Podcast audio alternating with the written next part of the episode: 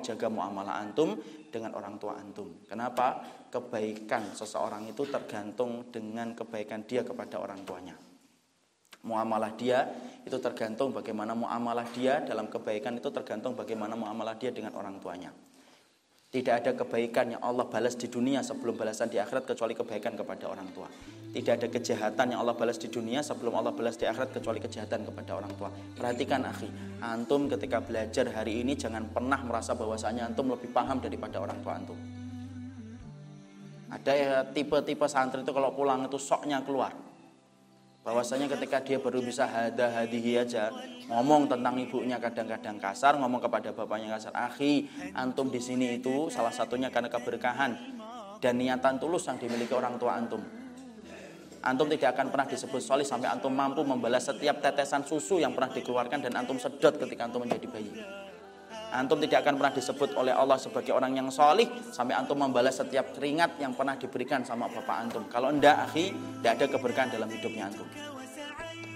Ya, karena sesungguhnya orang tua kita hari ini yang tidak ngerti tentang hada hadihi, tidak ngerti tentang kitab tafsir sebagaimana antum paham, bisa jadi loh mereka adalah orang yang rela berkorban apa saja supaya antum sekolah di sini dan antum nyaman di sini. Berapa banyak ibu-ibu rela tidak beli jadi daster gara-gara pingin supaya uangnya itu dikirimkan ke antum. Berapa banyak bapak-bapak itu rela dia nggak jadi beli kopi supaya kemudian bisa ngirimkan kopi itu sama antum. Ya, berapa banyak kemudian orang tua kita rela dia tidak makan ayam, dia cuma makan kemudian sayuran supaya kemudian bisa memberikan makanan kepada antum supaya antum bisa beli di kantin. Lalu kemudian antum pulang, kemudian antum tidak berbakti sama mereka, kemudian antum tidur tiduran di rumah, lalu kemudian tidak me mengganti hari-hari antum ketika di pondok. Wallahi akhi keberkahan antum hilang kalau kemudian semacam itu. Karena apa? Kesolihan itu berbanding lurus dengan tingkat baktinya seorang anak kepada orang tua. Dan barokahnya ilmu adalah ketika antum itu berbakti kepada mereka walaupun pahit rasanya antum harus mengerjakan sesuatu. Makanya sampai setingkat Abdurrahman pun harus menceraikan istrinya ketika Abu Bakar kemudian memerintahkan. Karena memang setingkat kuatnya perintah itu dalam agama. Ya, Jangan pernah ada lagi kata-kata santri kemudian mengatakan orang tua saya awam, ustaz, jahil. Lah kayak antum sudah pinter aja. Mau tafsir juga dapat 6. Tidak usah gitu sama orang tua itu. Karena apa? Sesungguhnya itu perkara yang Allah akan balas secara kontan dan cash dan nunggu di akhirat. Makanya kemudian ada perkataan dari Wahab bin Munabbi, "Man waqara walidayhi, razaqahullahu waladan yuwaqqiruhu." Wa malam yuwakir walidayhi razaqahullah waladan lam yuwakiruhu. Wahab bin Munabih sebagaimana keterangan dari Imam Ad-Dahabi dalam kitabnya Al-Kabair. Siapa pun yang hormat sama orang tuanya, maka Allah akan mengasihkan anak yang hormat kepadanya persis sebagaimana dulu dia hormat kepada orang tuanya. Dan siapa pun anak yang tidak pernah hormat sama orang tuanya, Allah kasihkan anak yang durhaka kepada dia persis sebagaimana dulu dia durhaka kepada orang tuanya. Persis kontan cash tidak dikurangi oleh Allah. Makanya sampai kemudian dikatakan babani maftuhani muajjalani fid dunya akhirah. Makanya sampai ada sebuah riwayat, ada dua pintu yang tidak pernah tertutup, Allah balas di dunia dulu sebelum nanti Allah balas di akhirat. Dua pintu, al-baghyu wal uquq, yaitu dolim kamu kepada orang yang beriman dan yang kedua durhaka kamu kepada ibu dan bapakmu. Bahkan Imam Ad-Dahabi sampai mengatakan, kalaupun orang tua kita kafir, maka sesungguhnya bakti kepada mereka itu sama persis dengan orang tua kita ketika mereka muslim. Hanya satu, kalau mereka merintahkan kekufuran baru tidak boleh ditaatin. Sebesar itu. Makanya sampai kemudian Imam Ibnu Abbas itu berkata, Salahunaka salatu ayatin la tuqbal minha illa. Ada tiga perkara yang Allah tidak terima pengamalannya kecuali dengan tiga ayat setelahnya. Apa itu? Salat tidak akan diterima sampai membayarkan zakat.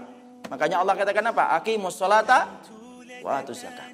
Taat sama Allah tidak akan diterima sampai taat kepada Rasul. Makanya dalam Quran, hati Allah, hati Rasul. Dan yang ketiga, syukur ya antum kepada Allah tidak akan diterima sampai antum syukur dulu kepada orang tua antum. Antum mondok pulang membuat sedih orang tua antum, Allah tidak ada barokahnya selama enam bulan antum di pondok. Karena bisa jadi dosa yang antum lakukan kepada ibu itu mengalahkan pahala antum ketika enam bulan antum di pondok. Kenapa? Pintu terbesar dalam meraih surga itu salah satunya adalah pintu birrul walidain. Ibnu Umar pernah nangis ketika ibunya meninggal dunia. Maka kemudian ditanya Ma yubkika yang membuatmu nangis itu apa? Lalu kemudian Ibnu Umar itu kemudian berkata karena pintu tengahnya surga dan gerbang yang paling indah tertutup semenjak menutupnya mata ibuku. Ibnu Umar radhiyallahu anhu. Makanya saya pernah membaca tulisan etnis Cina, kafir dia. Itu pernah membuat broadcast, itu sampai ke saya.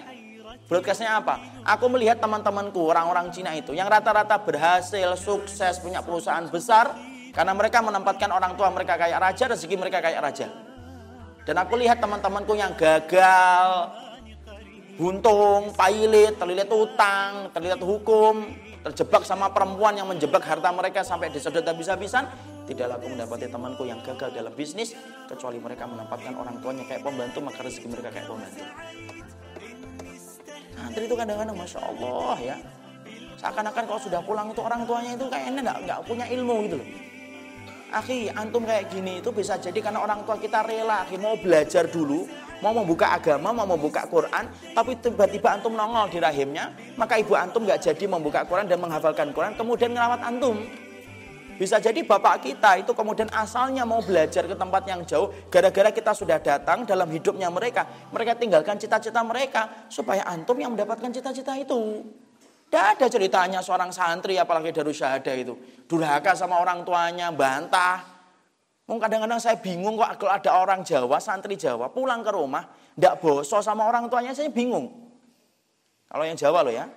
Kalau orang Padang nggak bosok ya wajar orang Padang. Saya tuh bingung itu loh. Dari mana keberkahannya? Karena kebaikan hidupnya kita nanti di masa mendatang itu ditopang dengan keberkahan kita kepada orang tua kita. Saya hari ini banyak merasa semua yang saya dapatkan dari kemudahan dan di kemudahan di balik setiap ujian itu apa? Bukan karena saya hebat enggak, tapi ada doa dari orang tua kita. Makanya dijaga betul itu. Kalau ada kesempatan nelpon-nelpon, akhi, Nggak usah kemudian gengsi, nggak usah nelpon, marah sama orang tua antum ketika wesel, eh kok wesel. Transfer antum nggak belum nyampe, Kecewa ketika begini, Masya Allah, apa itu? Tidak ada kamus kehidupan santri semacam itu. Kenapa? Kebaikan muamalah antum di masa mendatang tergantung dengan itu.